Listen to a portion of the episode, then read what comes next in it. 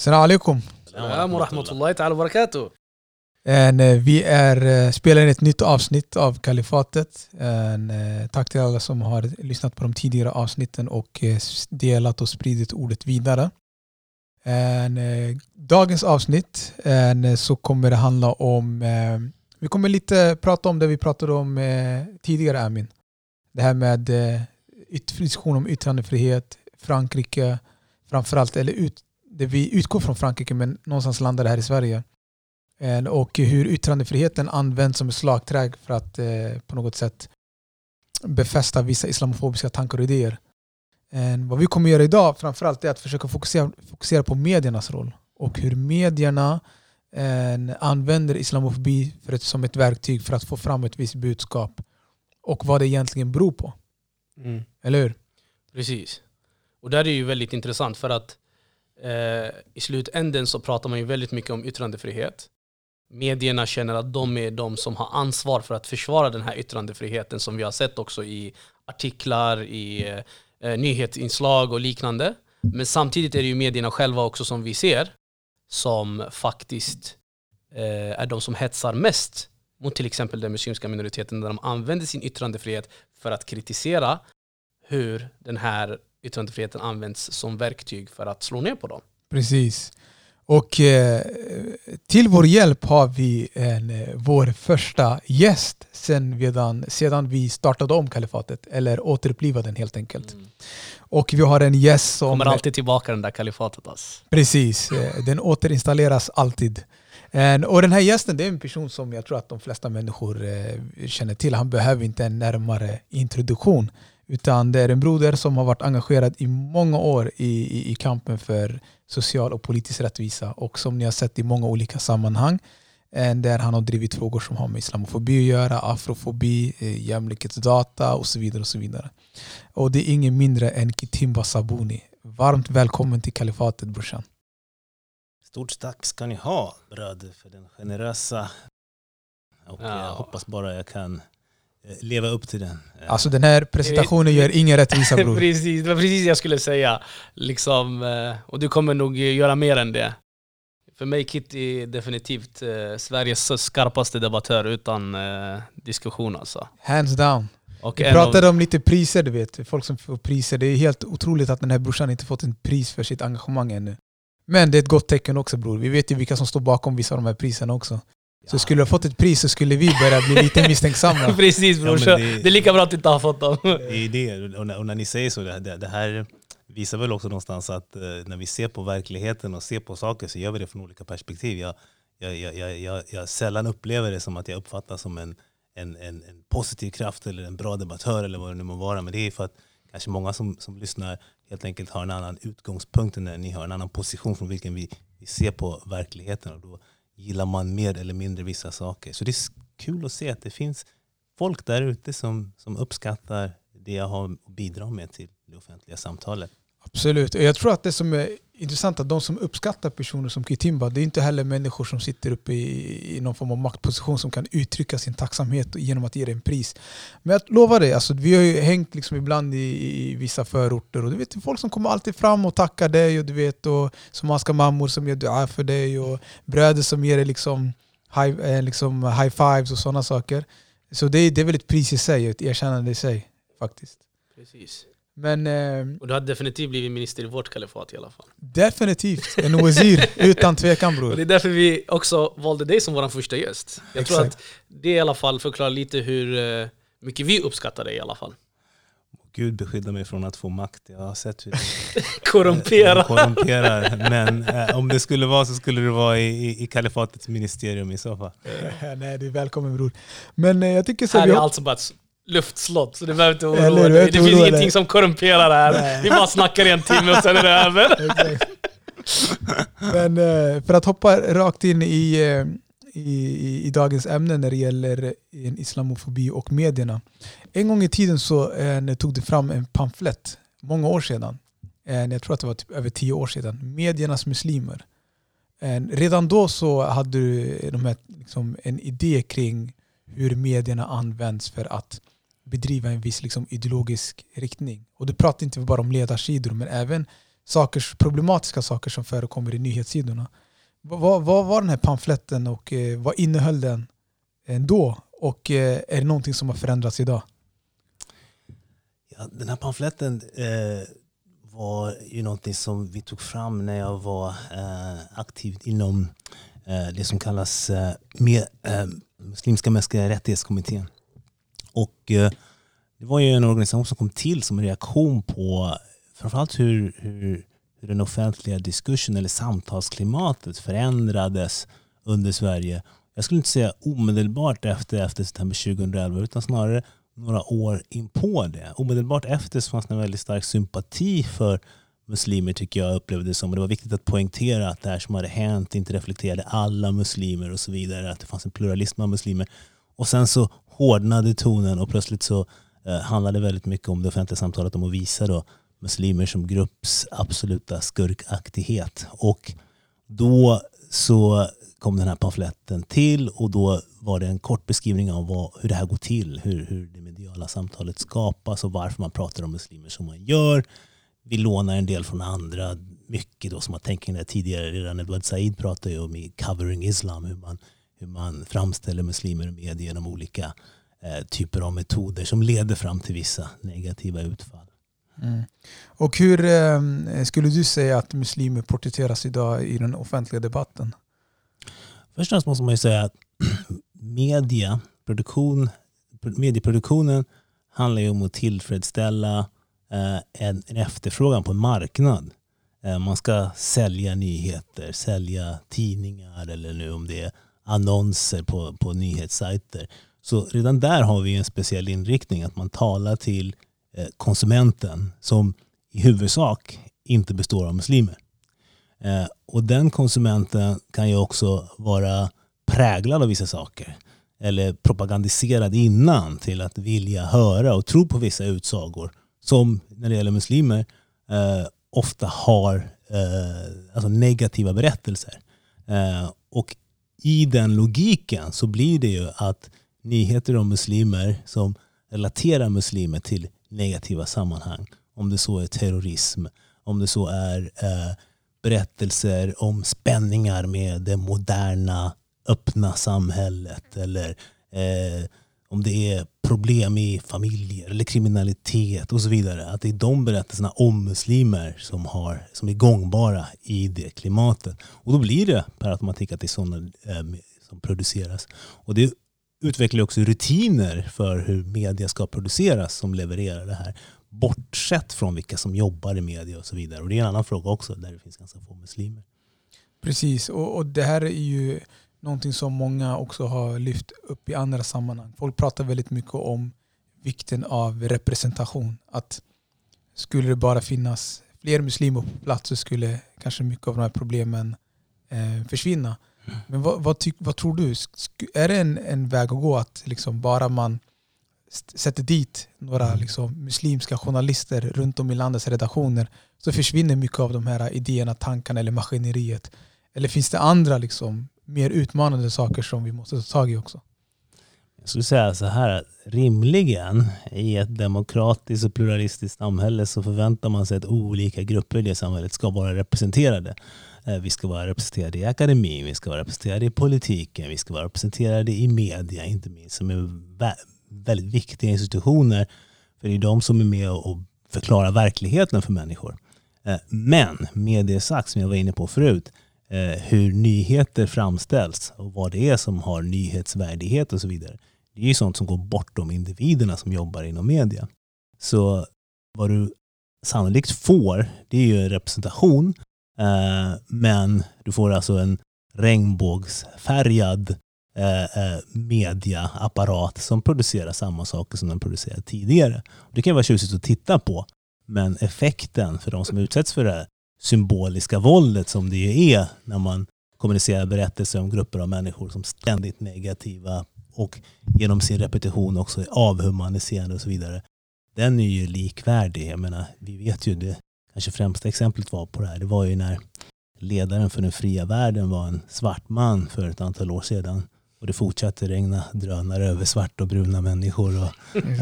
och, och, och, människor deporterades i aldrig tidigare skådade antal och man hade en sån här killlist som presidenten fick titta på vem som skulle eh, dödas utan rättegång var som helst i världen där USA tyckte sig ha ett problem med någon. Och det förändrades ju inte. Mm. Det till och med intensifierades under eh, Barack Hussein Obamas tid. Ja men precis. Och eh, det är faktiskt något som jag ofta reflekterar över. För att jag är annars involverad i att eh, försöka driva på och arbeta för att det ska vara pluralism, att det ska vara representation eh, inom ramen för vår liberala demokrati som vi lever i. Men den där representationen eh, kan ju ibland hjälpa till att legitimera en ordning eh, som i sig är orättfärdig och som på det stora hela drabbar de marginaliserade grupper, ofta då rasifierade grupper som jag eh, speciellt då tänker på att arbeta kring, Eh, på ett negativt sätt. Så att det här kan vara något som istället blir upprätthållande för den här ordningen. Och inte minst när vi tänker på det vi håller på med, vi pratar om islamofobin i samhället och, och i media. Att givetvis är det ju så här också att för att legitimera det som man gör, även inom media, så är man ju eh, mer och mer intresserad av att också hitta eh, muslimska ansikten och röster som kan vara med och reproducera samma berättelser och ge dem legitimitet. Eh, I det här ett steg framåt för oss? Eller är det, är det ändå en fälla som slår igen? Jo, ja, precis. För där tänker jag också hur... Eh, det är ju oftast en fälla känns det som. I alla fall alltså, om, vi, om, vi, eh, om vi tänker på hur eh, det ser ut i verkligheten. Alltså om man... Alltså den här representationen, om inte den har någonting mer som du sa än eh, att vi får se regnbågen så, så är det ju så att det blir ju nästan som en fälla för oss hela tiden. Alltså vi hamnar i den här, alltså du kan säga det som jag inte kan säga. Du blir i alla fall inte kallad rasist om du säger de här rasistiska sakerna. Du blir i alla fall inte kallad islamofob för du är muslim, så då kan du säga det som vi inte kan säga. Alltså kan inom situationstecken, för det sägs ju hela tiden. Men, eh, men det jag försöker komma fram till är att här är det ju alltså representationen i sig eh, är ju definitivt inte tillräcklig känns det som. Nej, alltså det får mig att tänka på ett inslag jag såg i nyheterna för inte så länge sedan där en, en eh, eh, äh, muslimsk kvinna äh, intervjuade svart kvinna som sa, om vi kokar ner det, exakt vad hon sa var, de som vill hålla på med klankultur och förtrycka kvinnor, de kan sticka till Somalia, eller de kan åka till Somalia, hem till Somalia. Hon pratar alltså om svenskar eh, som då ägnade sig åt det här och skulle ha somalisk bakgrund. Den här idén att man kan säga så om svenskar som beter sig på ett sätt som man inte är överens med eller som är socialt eller mot vad det nu kan vara, att de ska ut härifrån. Jag skulle aldrig kunna föreställa mig att någon vit person skulle kunna säga sådana saker och, och det skulle förbli oifrågasatt eller ens sändas på Aktuellt bästa sändningstid. Eh, men det är klart att om man i något sammanhang kan få en svart muslimsk kvinna att säga någonting sådant, ja. Då, det är från gruppen? Ja, precis. Då blir det eh, i sin ordning. Eh, och det här är ju förstås inte någonting som den här personen har kommit på själv. Det där är ju en rasistisk trop. Alltså det är ju en, en tankefigur som är ständigt återkommande i Sverige. Att personer som är rasifierade som icke-vita eh, på något sätt alltid ska kvalificera sig för att ens vara i det här landet. När vi inte kvalificerar oss genom att vi gör saker som eh, många då inte är överens om att man ska göra. Kan jag säga att i det här sammanhanget var det oklart om det ens hade gjorts speciellt mycket. Men i alla fall, eh, då ska vi ut. Eh, jag menar, eh, det finns ju många vita svenskar som gör saker, om det är förtrycka kvinnor och så vidare. Eh, jag har aldrig hört en diskussion om att, och då ska de ut. Eftersom det finns en grundläggande logik som säger att icke-vita personer måste kvalificera sig för att vara i, i det här landet, vara svenskar på lika villkor som alla andra.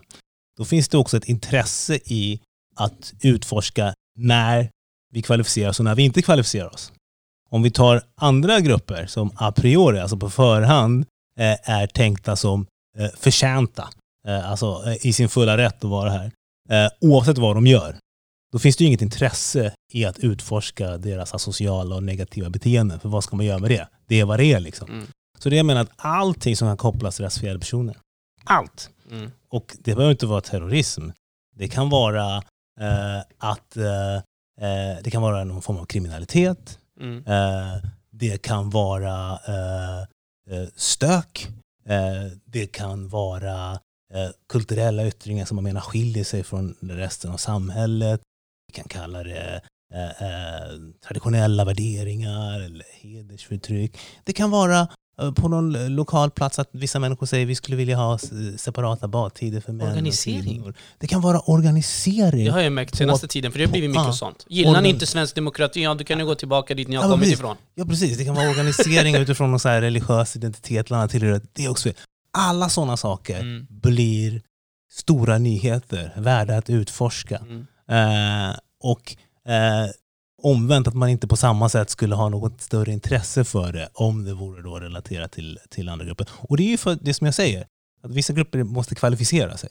Och det är därför det här blir Men intressant. det där har jag reagerat på, jag vet inte om Rashid, du säkert håller med mig också i den här, men där har jag definitivt tänkt, för du, du, sa, du var inne på att det kanske inte bara har med kriminalitet att göra, och jag håller ju med. Till exempel, Mm. säg organisering. Liksom. Jag, jag har märkt att många liksom, muslimska organisationer, eh, bland annat Sveriges Unga Muslimer som eh, eh, jag och Rashid har varit aktiva i, och så, när vi kritiserade islamofobin Mm. och rasismen mot muslimer, då var det mycket stick hem. Mm. Alltså vi kunde ju få brev, Mm. mail, Mm. ja, stick hem där ni Mm. har kommit ifrån och hit och Mm. dit och så. Ehm, men när vi samarbetade Mm. med andra ungdomsorganisationer under den tiden Mm. som också jobbade Mm. emot alla former av rasism till exempel, eller kanske en specifik form av Mm. rasism mot antisemitism eller mot, eh, vad heter det, eh, ja, Mm. islamofobi eller vad som helst. Mm. Och de var, om vi nu ska använda Mm. det här uttrycket, vita svenskar Mm. som inte är muslimer. Eh, då var det ju ingen som sa till dem, stick Mm. hem. Exakt. Och då pratar vi inte ens om någon kriminell handling, utan Mm. vi använder bara vår yttrandefrihet också här. Just det. Och för den ena parten är det stick Mm. hem, Mm. och för den andra parten som använder i Mm. princip exakt samma retorik Mm. är det i sämsta fall, Mm. jag håller inte med dig. Ja, visst. Och det, det där vill jag bara säga att jag, jag tycker det där är centralt. För det där är centralt för att förstå svenska rashierarkier. Där man, många svenskar, många människor i Sverige vill tro att Sverige är ett land som är bortom hudfärg. Alltså att det inte har någon betydelse. Och med andra ord bortom ras. För hudfärg och ras kan egentligen förstås som, som samma sak i social mening. Eh, och eh, min poäng är den här att nej, nej, nej. Vi är inte bortom det i det här landet. Och det sättet som det uttrycker sig på tydligast det är ju den här idén om vem som är svensk och vem som inte är svensk. Men det andra, det är ju det här som vi var inne på, det här med att man ska kvalificera sig. Eh, det är inte bara det här att när någon gör någonting fel så riskerar den att få höra den här tropen, men stick hem då, ut härifrån. Eh, det är också det här att man inte har samma rätt att ens vara kritisk om sitt eget land. Alltså vi har inte samma rätt att vara kritiska kring Sverige. Och samtidigt är ju rasifierade eh, svenskar de kanske bland de allra mest styvmoderligt behandlade i det här samhället som bygger på white supremacy, som bygger på vita privilegier. Och det är inget unikt för Sverige, det är ju så världen fungerar globalt också. Eh, men om man då skulle ha, rikta en kritik kring det här, eh, då är man alltid föremål för, passar det inte så kan du väl sticka då till något förmodat eh, hemland. Medan om du är vit och du kan heta saker som Reinfeldt eller Schlingman eller Bush Thor som antyder för mig att någonstans finns det rötter utanför Sverige så kan du ge dig på att bjuda på den kritiken och tycka till om samhället. Så att, ja. Det som är intressant det du säger, eh, Brokitti, det är också att du säger att eh, man måste kvalificera sig in i det här samhället. Och nu det här, eh, dagens ämne är ju medierna. Eh, Och man måste också kunna, alltså det finns också, vi måste också kvalificera oss in i den offentliga debatten. Vilka kvalifikationer är det vi måste uppfylla för att få någon form av likvärdig, det blir aldrig likvärdig, men att ens skriva fram och yttra oss. Alltså du är en person som har varit mycket i den offentliga debatten. Mohamed Amin också tidigare var väldigt mycket ute. I vilka sammanhang var det ni fick vara med och yttra er och föra den kritik som ni vill föra fram? Var den villkorad eller var det bara fritt fram och köra?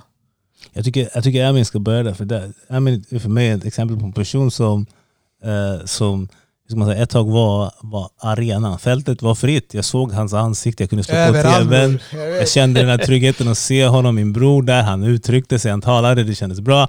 Och sen så var det medieskugga. Totalt tystnad. Och jag tänkte först, är det min bror som har eh, lagt ner verksamheten? Han har tröttnat på det här? Eller vad var det som hände? Jag tror att, om jag, ska, om jag bara får flika in här lite snabbt då, eftersom Kitty flyttade över frågan. Så jag tror att eh, det har förändrats otroligt mycket sedan den tiden jag var med i media. Jag tror att svensk media var lite mer inbjudande. Jag ska inte säga att de var jag ska inte säga att det var ovillkorat. Jag ska inte säga att eh, det var eh, en, en, en neutral, eh, vad heter det, ett neutralt bemötande i, till skillnad från till exempel gäster som var motdebattörer eller som hade en annan åsikt än vad jag hade. Men det var ju väl lite mer i alla fall välkomnande. Vår åsikt fick väl komma fram lite i alla fall, även om den eh, höggs av, begränsades i tid. Eh, man fick ett eh, reportage eh, emot det som man ska, eh, vad heter det, den åsikt man har. Jag glömmer aldrig en gång jag var med på Agenda eh, och det var ganska intressant för att jag var där för att prata ur en viss eh, position eller en viss synvinkel eller ett visst perspektiv. Jag hade, det var en annan gäst då som skulle prata från en ganska motsatt vinkel, har en annan förståelse än vad jag hade i, i den här frågan och har en annan åsikt. Och det är fine, liksom, det är två olika åsikter. Men till min överraskning när jag står där på direktsändning så har de ett reportage som de inte har berättat till mig om. Och det reportaget kan jag inte säga var på min sida direkt. Så inte nog med att den här personen ska få uttrycka sina åsikter, utan SVT förbereder också ett snyggt reportage till den här personens fördel redan innan. Påverka tittarna redan innan jag har fått yttra mig och visar nästan eh, redan på vart rätt ligger och fel ligger. Och då, då debatterar du från ett helt annat läge. Du, du diskuterar från ett underläge. Så även om vi var mer välkomna än vad vi kanske är idag i den offentliga debatten så, så var det oftast att vi hamnade i underläge på grund av det sätt som man eh, arbetade på och hur man villkorade eh, olika eh, vad heter det, diskussioner. Och idag är det ännu värre och jag tror att min frånvaro beror dels på att vi inte är lika välkomna, men jag tror också att jag själv inte känner att jag kan bidra med lika mycket heller längre. Jag kan säga nej tack mycket oftare än vad jag gjorde då. Mm. Då fanns det i alla fall, kände man i alla fall att man hade någon chans att komma ut med sitt perspektiv. Idag är det otroligt, mm. otroligt svårt. Mm. Du kommer redan in i en sönderdebatterad samhällsfråga och så ska du komma där och förklara varför allting är fel som de har sagt i två veckor. Från morgon till kväll. Vad tycker du Kitty? Hur har det varit för dig? Du har ju synts till mycket, dels live men också nyhetsinslag. Du har skrivit också mycket i debattartiklar och liknande. Har tillträdet till offentliga rummet för dig varit lika lätt eller svårt de senaste åren? Eller har någonting förändrats med tiden? Man får tala lite om olika skeenden också och olika frågor. Jag skulle se det som att jag har haft en, en position både i samtalet kring rasism mer generellt och eh, afrofobisk rasism då, som drabbar svarta. Eh, och sen har jag också varit aktiv i samtalet om islamofobi eh, och hur muslimer är utsatta. Och eh, jag, jag tillhör ju de här grupperna båda två. Men jag ska verkligen vara väldigt tydlig här. Att islamofobi på många sätt är en form av antiarabisk rasism eller en rasism mot människor som kan antas vara araber. Det innebär i alla fall att jag för min del eh, inte primärt rasifieras som en muslim och utsätts inte för den typen av misstänkliggöranden och eh, åsidosättande som följer med det.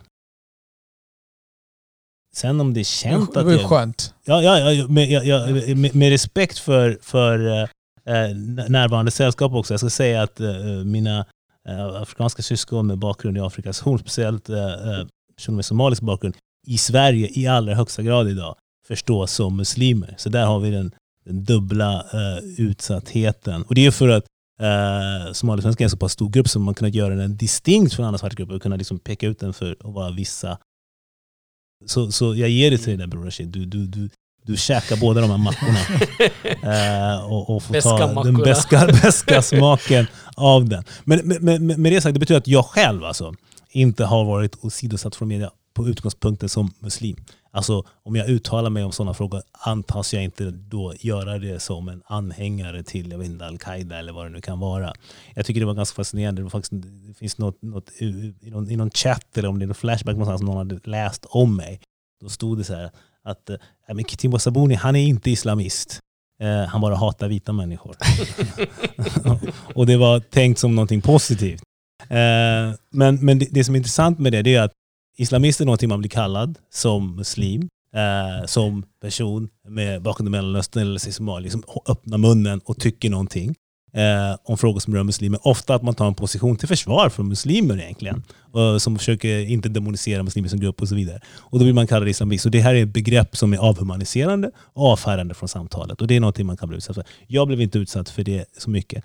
Eh, men jag ska säga att hela det här samtalet kring muslimer det stängde för muslimska röster som inte anslöt sig till kören och ville demonisera Eh, och, och, och, och, och, och framställa muslimer negativt. Medan muslimer som hade den typen av berättelser blev genuina, de sanna rösterna.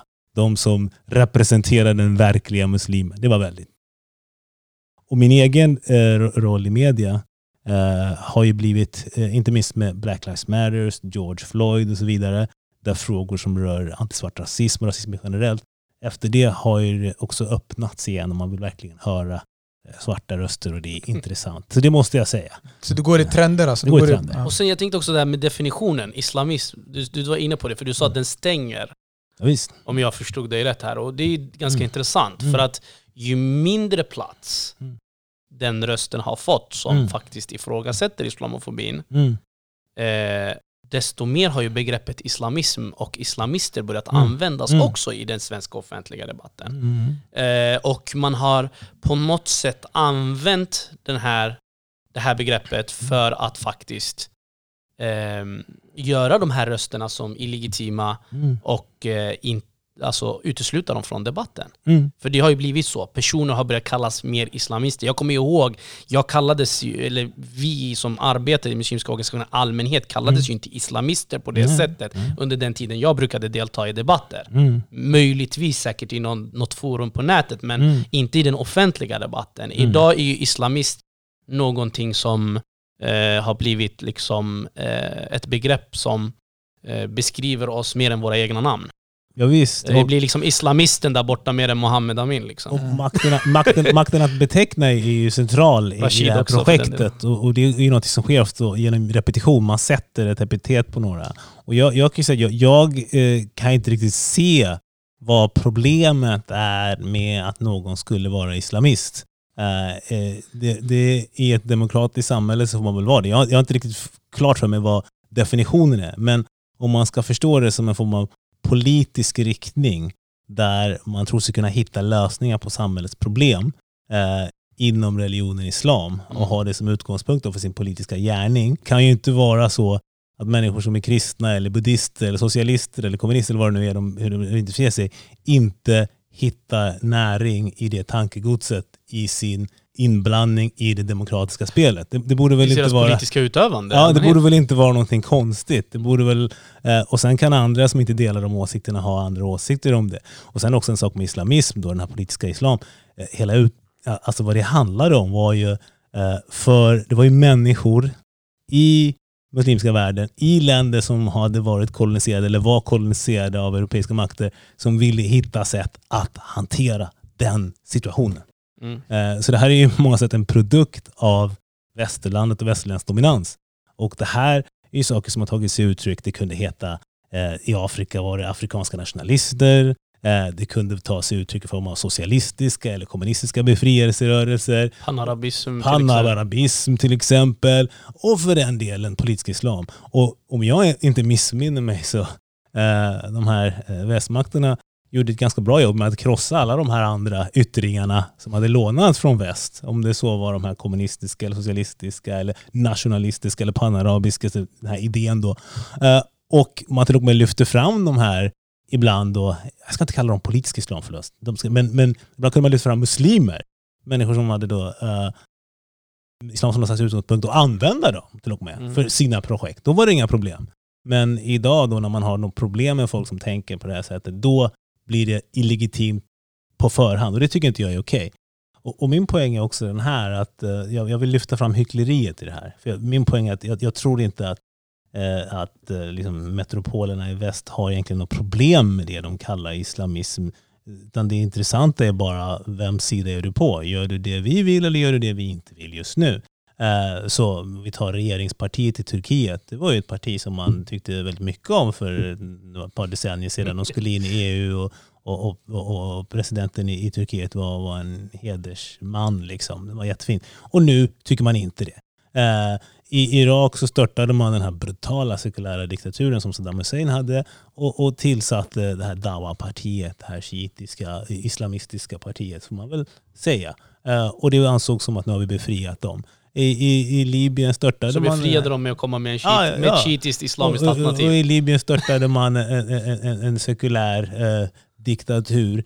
Och, och nu sitter där den erkända regeringen är ju en grupp eh, som man ska Delvis i kalla, alla ja, delvis politisk islamiskt inspirerade islamister. Och det är helt okej. Men i Egypten när man hade fria val och, och, och, och folk eh, valde det här partiet och som leddes av Mohammed Morsi då var det dåligt. Och den här eh, presidenten avsattes och fängslades och, och, och blev en martyr måste man säga som dog i det här fängelset. Och ingen tyckte att det var speciellt bekymmersamt. Mm. För eh, han var islamist. Alltså, så, så, så det här handlar väl mer om vem man gillar och inte gillar. Och jag tänker att det är lite samma sak här i Sverige också. Mm. Eh, att eh, det handlar egentligen inte så mycket om människors fromhet och, och hur pass religiösa och praktiserande de är. Utan säger människor då saker man inte gillar så blir de till islamister. Men det som är intressant också lite så här att eh, vem som uppfattas som eh, muslim. Eller, alltså en, en, det är också en kolonial föreställning att tro att, eh, att eh, för att kunna rasifieras som muslim så måste man vara en arab. När de egentligen är 20% av världens muslimer. Mm. Alltså det, så bror, det är bara joina liksom och ta på dig, axla den här islamistrollen. Eh, vad ska jag- Chalas, han har sluppit. Ska är du bror, äta den bästa mackan? Han har redan den bästa mackan som om- han tuggar på. Om jag ska äta, om jag ska äta den bror så får min brorsa dela med Då får jag dela med mig och får han äta den bästa mackan också. Kom igen, låt oss se, dela på Han har redan en. Bror, han kan ta en till. Hur som helst, eh, du har också eh, Mahmoud Mandani, han, en, han är professor från Uganda, där han pratar om good muslim, bad muslim. Mm. I Vilken förhållande intressant till... text ja, för eh, den som vill läsa faktiskt. Precis, och det är lite det ni pratade om. En, att, eh, vilka är det som eh, en, får tillträde till det offentliga rummet? Och hur, en, hur definieras de när de väl har kommit in? Antingen definieras de som goda Mm. eller som dåliga. Och att samma personer kan vara goda, som du sa, en Kitty innan. Mm. Och eh, sen några år efter kan de vara dåliga. Du tog eh, Turkiets president som ett exempel. Mm. Eh, ökända exemplet är ju det här med Mujahedins i Afghanistan. Ja. På 70-talet så var de goda muslimer. Sen 30 år senare så blev de liksom... Det är ganska intressant. Det finns ju, man kan ju kunna kolla på Rambo-filmen om man vill få det där bekräftat. Ja, ja, precis. så att inte någon tror att vi konspirerar här. Det är bara att kolla på Rambo Ja, ja. 3 och kolla vem filmen dedicates to i slutet. Och sen- Ronald Reagan kallade ju Mujahedin i Afghanistan de moraliska motsvarigheterna till våra grundande fäder. Så han, han jämför eh, talibanerna med Abraham Lincoln och George Jefferson. Och, Ja, sen, sen var ju de grundande fäderna, det var ju, det var ju vita slavägare. Exakt. eh, Och, och, men Så var det kanske inte var så bra i alla det var, fall. det var inte den meningen eh, Ronald det var inte Reagan så han menade. Nej, nej, så att, Nej, men sen tror jag också att eh, en, eh, vad Mahmoud Mandani, det han försöker liksom också säga det att han försöker säga lite som att eh, vem som helst kan definieras som god en dag och sen imorgon kan det privilegiet eller de beskrivningarna tas ifrån dig Mm. lika snabbt också. Mm. Vi har sett också i Sverige Mm. att eh, jag, jag tycker att eh, många muslimska företrädare på 90-talet, de Alltså visst, det fanns utmaningar men de välkomnades in i värmen på ett helt annat sätt. Mm. När man pratar med folk som var aktiva på den tiden, de brukar säga att ja, men, folk brukar säga ja, men titta de här liksom engagerar sig, ja det är Mm. gulligt, de engagerar sig utifrån den svenska folkrörelsemodellen och det är så Mm. fint och så vidare. Och sen samma organisation bara 15-20 år senare så tillhör de ondskans axelmakter nästan. Mm. Och att det liksom skiftar. Mm. Och jag tycker det där är ganska intressant eftersom det säger ju en hel del om den samtid vi lever Mm. i. Beroende på hur den geopolitiska en, situationen är Mm. så blir det antingen god eller on- ond. i vår livstid så kommer vi att få se Rashid, Muhammad Amin och jag också sitta vid samma bord som politiska företrädare, människor i den absoluta mittfåran. Aktuellt och kanske till och med Agenda. Vi kommer vara inbjudna där. Och vi kommer vara där som välkomnade gäster. Och det, mina vänner, det är ett tecken på hur illa det kommer vara ställt för, för oss som grupp. Och jag ska berätta vad jag menar. Det är så här, för att ta det du är inne på, och det bygger vidare på det jag säger också. Vi har olika graderingar av, av svenskar. Okay? Eh, det finns de värdiga, de förtjänta, de vita svenskarna. Och så finns det vi. Och den där idén var också någonting som i alla fall vår föräldrageneration också ställde upp på. Eh, som såg sig själva som någon slags gäster som måste kvalificera. Eller för att citera den här systern, om man vill hålla på med klankultur och förtrycka kvinnor, då kan man åka hem till Somalia. Eh, det, det, det ställer upp på den där idén. Eh, och här har vi istället fler och fler, eh, lite yngre, men även äldre, folk i vår generation, till och med äldre också, som är uppväxta i det här landet, födda i det här landet, födda i det här landet av föräldrar som är födda i det här landet och upplever den rasifierade erfarenheten. Alltså om du är född i det här landet och föräldrar som är födda i det här landet, då ska inte du ha en specifik erfarenhet enligt i alla fall vad officiella Sverige säger. Då är du mm. bara någon svensk som vem som helst. Det är inte sant. Du räknas inte ens in i invandrarstatistiken. Exakt. Men de har den här, och de har samtidigt en idé om sig själva som något slags fullvärdiga medborgare och en förväntan på likvärdig behandling. Sådana här människor... Sen de inte får det då? Ja, sådana här människor blir förbannade. Ja? Det, alltså det är inte nivån på förtryck som avgör människors opposition. Det är deras nivå av medvetenhet. Alltså, vi har ju sett hur historien har gått här i väst. Folk har gått från att vara undersåtar under sina kungar och grevar och feodalherrar och de kunde leva med det hur bra som helst feodalherren kom ner och gav folk örfilar och gick in i deras eh, eh laggårdar och tog för sig och gick därifrån och jag vet inte vad det var. Mm. Det helt okej, de var undersåtar. Sen fick de den här idén om medborgare och att de har rättigheter och de kan ställa krav på staten, rättssäkerhet och grejer. Sådana personer kan du inte hantera på det sättet. Och Man kan göra den jämförelsen med, med, med oss också, alltså, rasifierade svenskar. Att den här medvetenheten har skiftat. Och då får man sådana situationer som när Black Lives Matters, protesterna sprider sig från USA, där alla svenskar säger att där finns det ju rasism, det är ju hemskt. Eh, fast vi har samma rasliga ojämlikheter i det här landet. Och så har folk Black Lives Matters demonstrationer här i Stockholm. Vem vill de snacka med då? De bara, den här Kitin Sabuni, han var rätt soft att prata med ändå alltså. Han höjde aldrig rösten, han bara la fram sin sak. Ta in honom till studion och be honom förklara vad det handlar om. Ja, jag kan säga, sen när det kommer komma en generation av, av muslimer som kommer vara så förbannade för att de ställer krav på likvärdig behandling. Då kommer folk säga, den där Muhammad Amin, han var rätt lugn. Han var rätt lugn att göra med. Han bara satt ner, han sa lite saker men det var aldrig någon knas på gång. Hämta honom, hämta honom, vi måste... Vet. Och då kom alla de här rösterna som de använt nu, som de kallar det, de genuina, de moderata muslimerna. Även om de alltid eh, eh, gör, liksom, eh, skämmer ut sig själva. Du vet. De går från att vara bästa rektorn i Sverige som har räddat alla skolor till att säga massa sjuka grejer på, på, på Facebook eller vad det är. Och då är de borta. Och alla de här eh, mediaföreträdarna och grejer som har hissat och hyllat dem, de bara ah, hur kunde det här hända?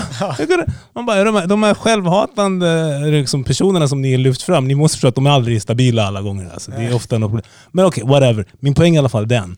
Att ja, de det kan kommer, inte vara psykologiskt. Nej, de, kom, de kommer vilja ha, ha, ha tillbaka oss till bordet. Eh, och, och jag, jag, vet att jag drar på här, men jag tycker den är så fin. Eh, Julius Malema, som var ledare för ANCs ungdomsgrupp och sen blev en politisk vilde, som ska ha sagt saker som var alldeles för radikala för städade ANC och så vidare.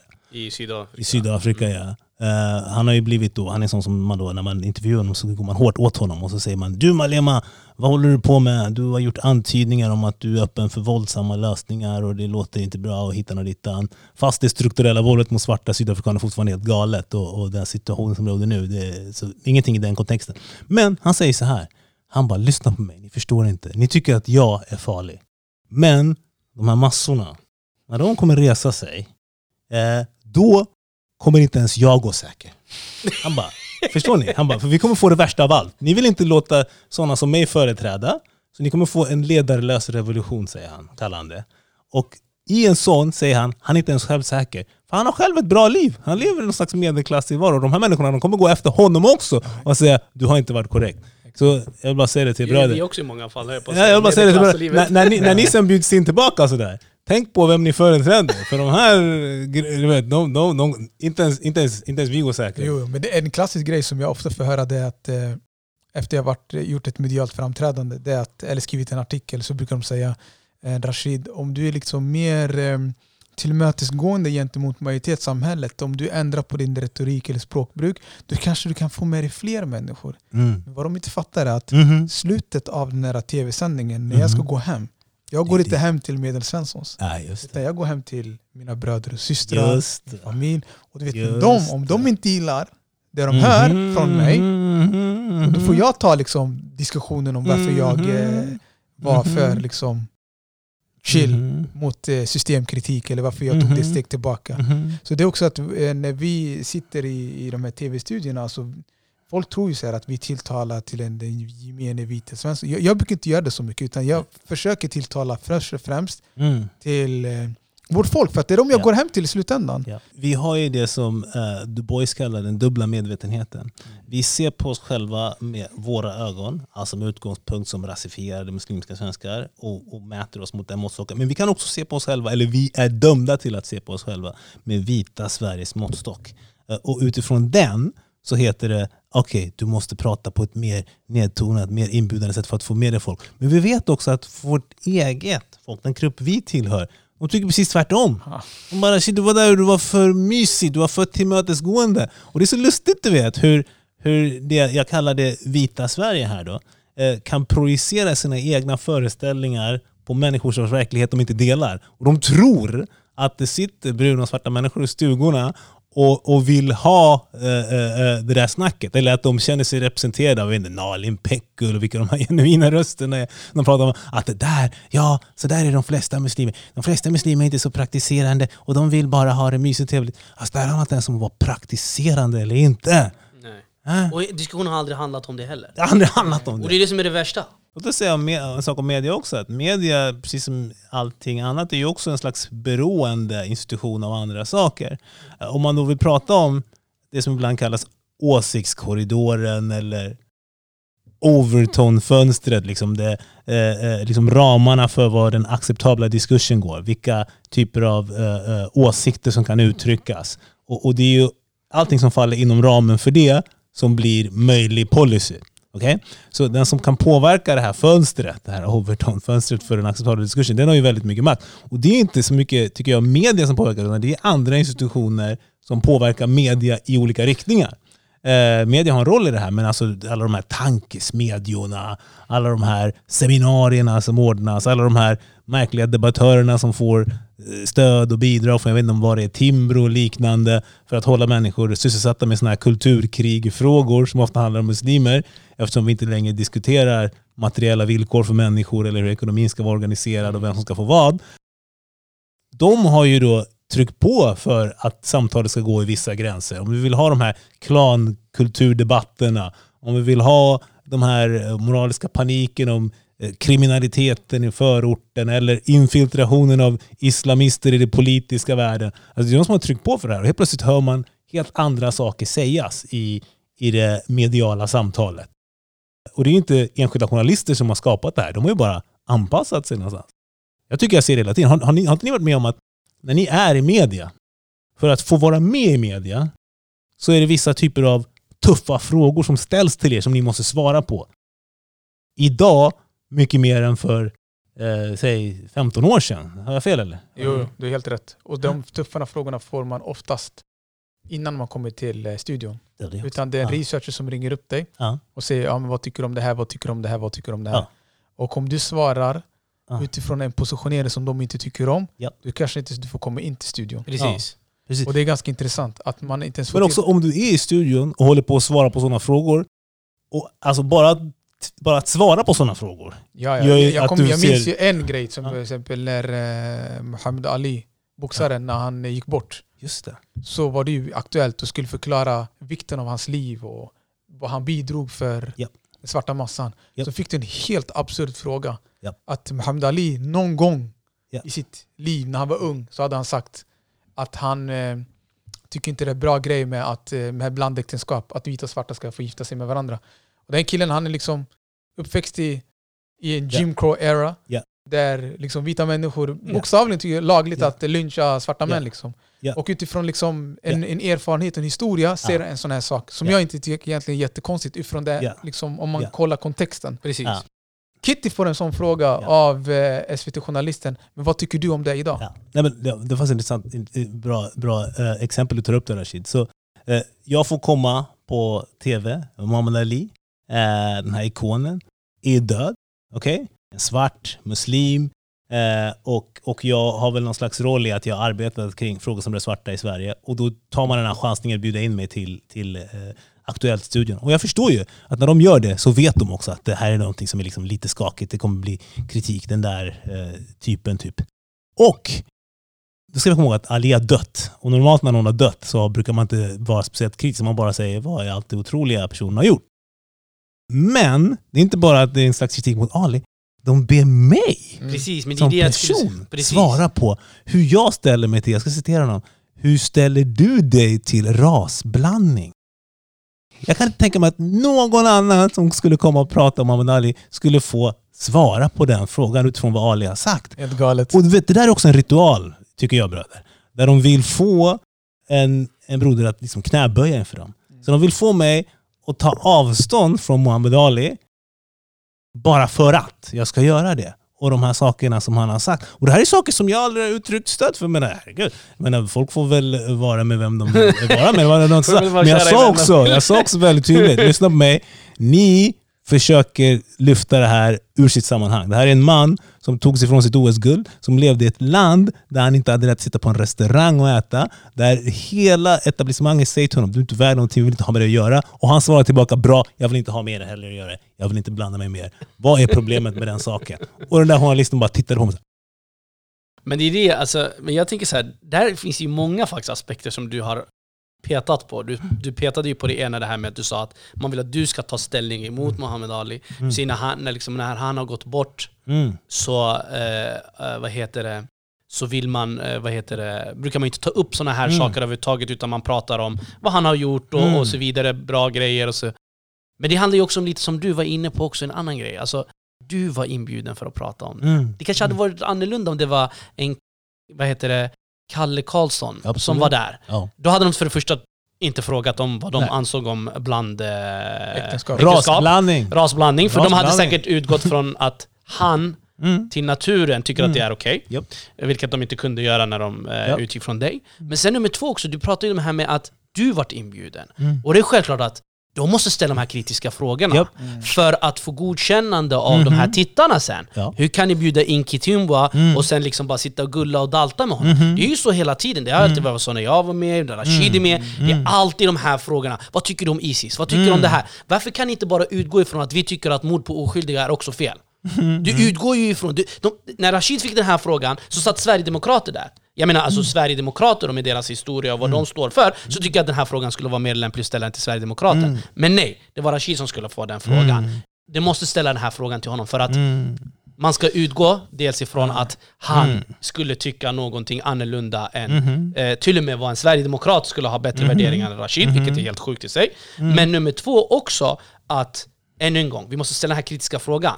För du kan ju inte tycka att det är okej alltså att islamisten Rashid får snälla frågor. Mhm. Är ni med? Och, och, och det här tror jag är viktigt också för media, att framställa folk i, i negativa dagar Ja. för att göra Ja. de här åhörarna som skickar de här mejlen Ja. till dem och Precis. trakassera dem. Bara för att ge ett exempel som hände mig. En gång i tiden var jag med en, en, en, eh, jag fick en intervju i Dagens Nyheter.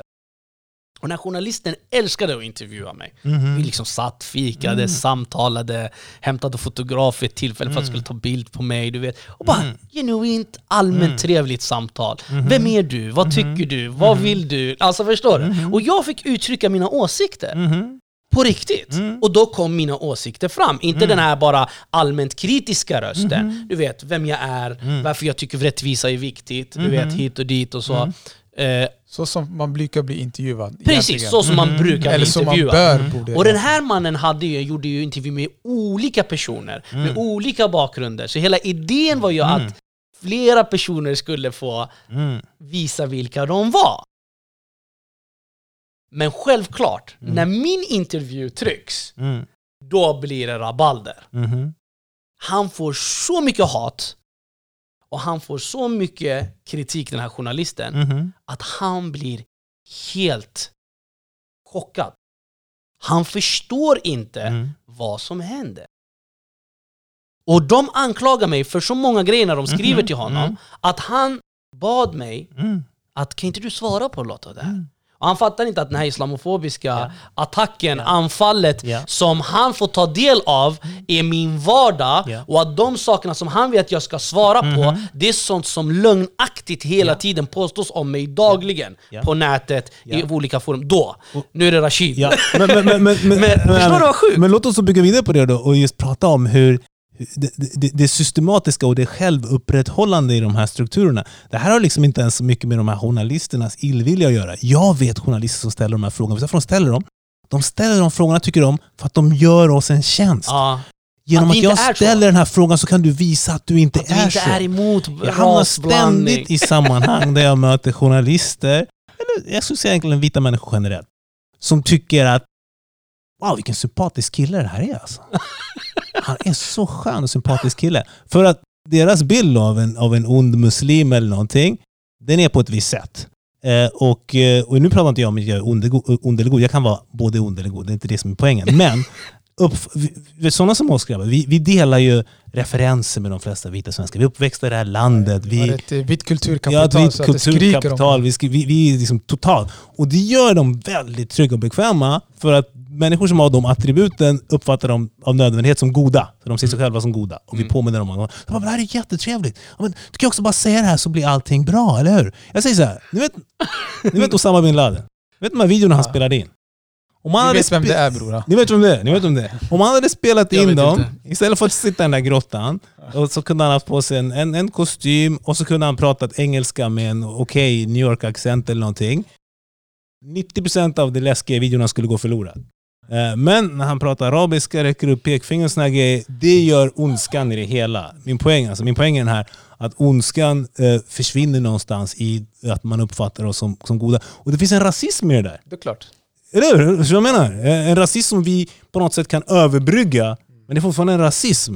Men det utgår, det var som jag sa, man utgår ju ifrån det. Alltså när jag frågar dig om rasblandning, Ja. då utgår man ju ifrån att du skulle kunna vara emot det. När man frågar Rashid om Isis, då utgår man för att Rashid faktiskt skulle kunna Ja, vet varför? Vet varför? vara Vet, vet varför? positiv Vet du till det varför? som de håller på med, och så vidare. Journalisten tycker att den gör sitt jobb för den tar tittarens, tittarens position. Ja. Och de vet att tittaren utgår från det här. Men, bror, det här är intressant. Journalisten däremot, den tycker att den skickar med en så kallad softball. För jag vet ju att du inte är emot rasblandning. Och då kan du säga det. Och då blir det jättebra. Man bara såhär, Hä? Hur blir det jättebra? Men måste man alltid vara... Ja, men alltså- alltså, jag förstår vad Ja, ni är säger, som men om jag får har vara du- lite har du- djävulens har du- advokat här. Har du, har du slutat... Har du, är har, advokat. har du slutat fuska med skatten Emin? Alltså vad svarar man på den? Ja men precis. Alltså, men, Har du alltså, slutat att slå din fru? Alltså, Ja men precis. Du tog det dit, jag skulle inte ta den där. Ja. Har du fortfarande bara en fru? ja, det Nej men alltså... är galet. Men alltså...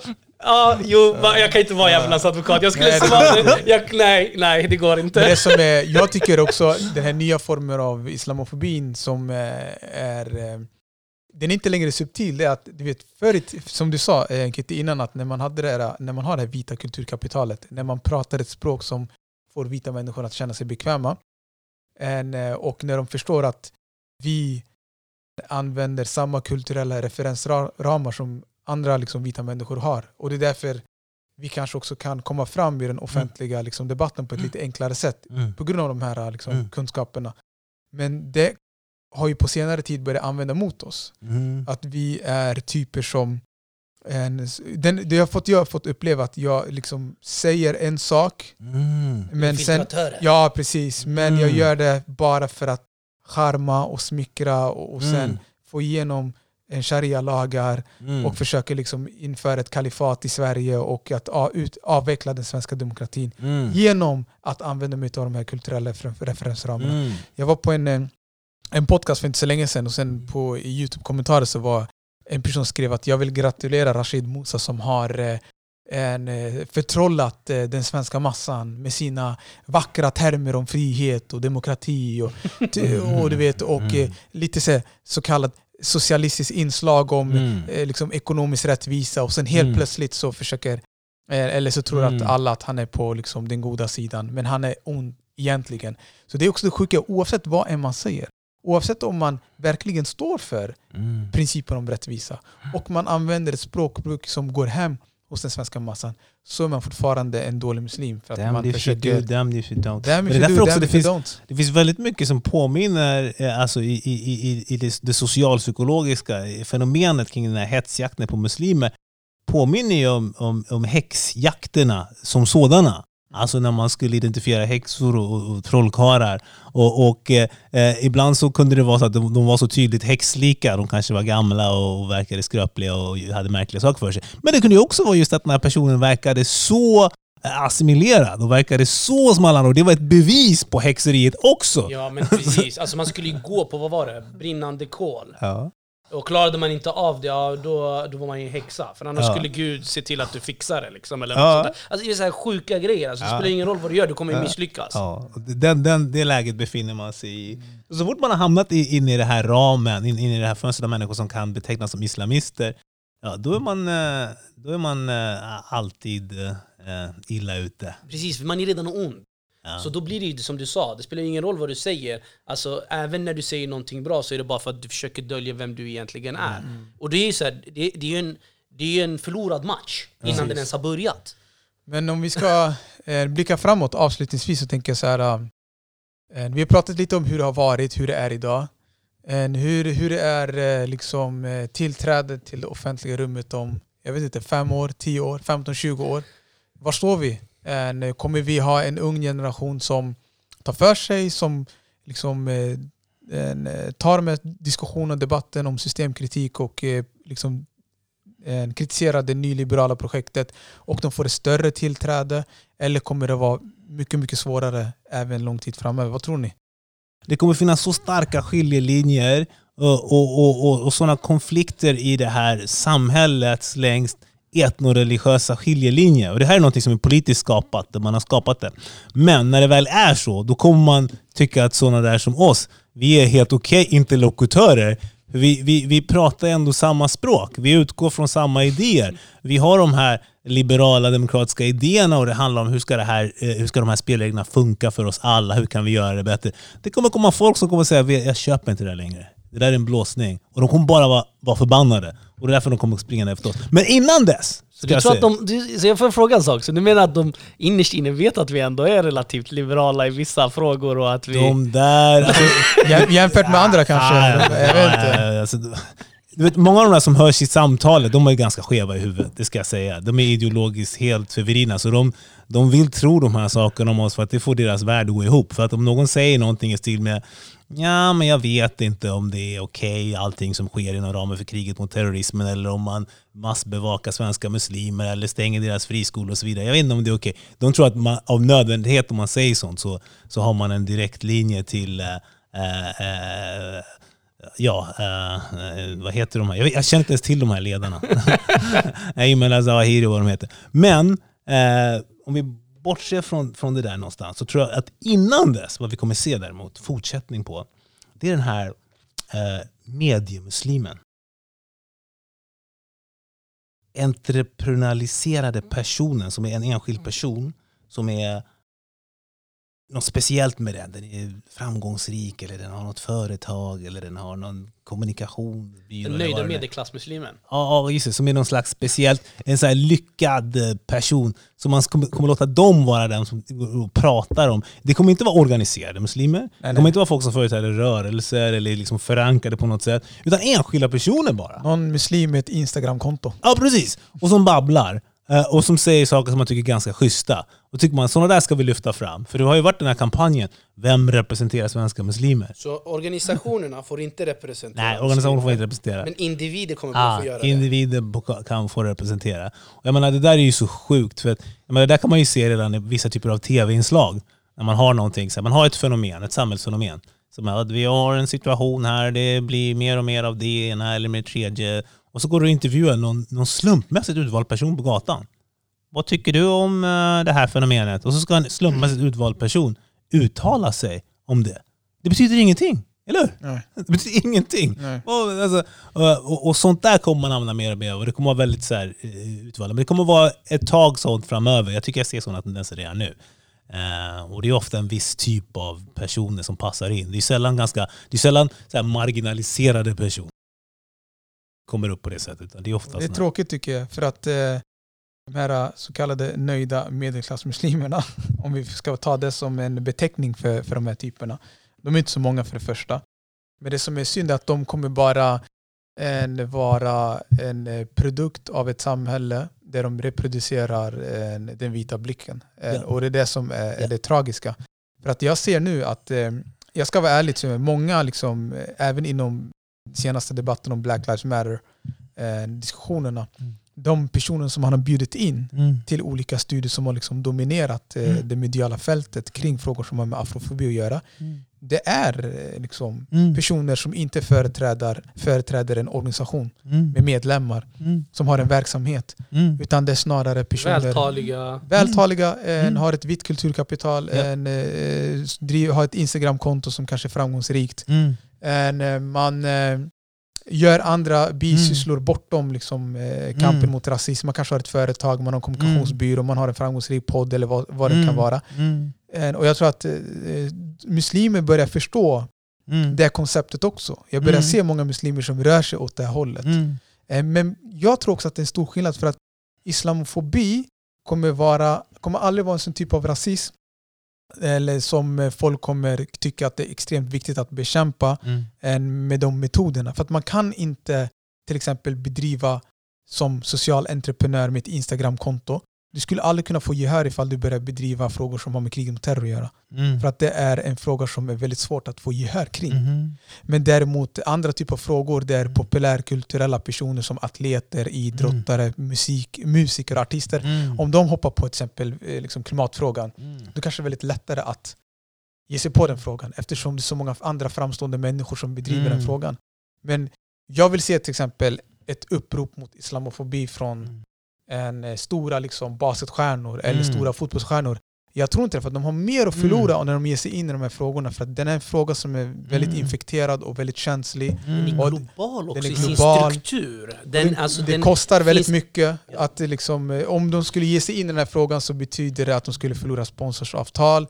Du vet, eh, risken för att man skulle uppfattas som extremist Mm. skulle vara liksom för påtaglig. Men det du lyfter här är så lust, återigen det här hur, det här hur självupprätthållande det här systemet är. Det är inte ens så mycket journalister med onda avsikter. Utan för de här journalisterna, för de har verkligen köpt den här idén. Vem representerar svenska muslimer? Minns ni den där kampanjen som kom? Jo, för några Sve- år Sveriges. Radio gjorde ju Ja, ett, vem eh, representerar svenska muslimer? Alltså ett det, helt inslag. där skulle man ju kunna säga. Vem representerar svenska pensionärer? Vem representerar svenska hbtqi-personer? Vem representerar svenska arbetare? Och du skulle ju landa i, ja det är väl kanske eh, PRO, det kanske är RFSL, det kanske är fackförbunden. Alltså, och, och de flesta behöver inte vara anslutna till de här grupperna. eller Men- ingen av dem, men då tar man inte upp debatten. Nej men precis! Diskussionen är liksom, men det är bara muslimer som du ska ta upp för Ja, att ja, ännu en gång ja. eh, göra de rösterna illegitima som Ja, pratar. men, men ingen skulle ju gå med på att man säger i, i, i frågor som rör pensionärer, alltså viktiga strukturella frågor, bara kliver fram och hämtar någon person från gatan som är pensionär. Eller, eh, eller någon kändis som är pensionär. Eller, eller när det gäller frågor som rör hbtqi-personer, bara vem som helst som, som liksom, eh, säger sig vara hbtqi-person. Det går ju inte. Men just när det kommer till muslimer så tycker de här journalisterna att de gör någonting gott. De lyfter fram en genuin röst istället för de här organisationerna som är någon slags mellanhänder och, och stoppar de genuina rösterna. För de är inte, alltså, förstår jag menar? Det är inte så att man när man har en organisation säger jag representerar alla. Men man är en organisation, man är förankrad i frågor, man har gjort research, man har tänkt till, man vet hur man möter medier, man har liksom en plan. Menar? Och det är det som ger dig en legitimitet att vara där. Och sen om man inte går tillväga på det sättet utan vänder sig till vilken eh, slumpmässig person som är på gatan, ja, då kanske man intervjuar tre personer och den som man tycker passar, den, får man, den kör man med. Liksom. Precis, det som passar narrativet. And, eh, ja, det här blev ju en, eh, en ganska bra, en väldigt bra diskussion om... Jag hann inte ens ta upp frågorna. Nej, alltså jag tror att vi besvarade många av de här frågorna Mm. eh, i diskussionen. Mm. Alla de frågor som de ställde finns i diskussionen. Utom syndabocken. Eh, nej, förutom, eh, det var en fråga som handlade om eh, varför alltid muslimer Mm, förknippas med eh, terrorism. Ja, Ja, det- syndabocken. Ja. Ja, ja, ja, Det, det, det vet vi ju någonstans. Sen är det intressant det här med syndabockar. Syndabock, det är ett begrepp som kommer från en biblisk berättelse. Där eh, israelerna i öknen då, eh, de hade ju sina problem. Okej, Det var tufft där ute i öknen och folk betedde sig inte bra. Och vad man gjorde det var att man tog två get. Sen så offrade man ena geten. Tog man fram som ett offer då till Gud. Men den andra geten, det var syndabocken. Den tillskrev man alla negativa egenskaper eller orenheter eller så vidare som fanns i communityn och så skickade man ut den i vildmarken. Och där är muslimen idag. Alltså. alltså bara alla negativa egenskaper och bara ut med dig. Ut! Helst ska du ut. Terrorism, Liksom. kvinnoförtryck. Eh, Ja. Och sen är det här grejen också, en annan biblisk grej som används bara på muslimer är det här med arvsynd. Att eh, en muslim gör dåligt och hans barn, barn kommer få sota för den grejen som hans farfar gjorde. Och det, fortsätter i, i, i, i generationer. Det, det Jag brukar ju använda arvsynden till att kalla den för invandrarsynden. ja, det Att vi är invandrare för evigt. För evigt. Oavsett hur många generationer som föds här så har de alla vandrat in tillbaka in i Sverige. jag vet inte, det är något så här, jag kallar det invandrarsynden. Ja. För den går också i arv hela tiden. arv. Jag pratar om pratar- fjärde generationens invandrare. Jag pratade Ah. med några, några ungdomar som finns i mitt liv som är barn till, eh, till föräldrar som är födda i Sverige. Okej? De här barnens föräldrar är födda i Sverige. Ja. Okej? Det är det tredje generationen. Och de är inte vita. De kallar sig själva invandrare. De bara, vi är invandrare, vi invandrare, vi invandrare. Man bara, okej. Eh, vad, vad, vad är ert hemland?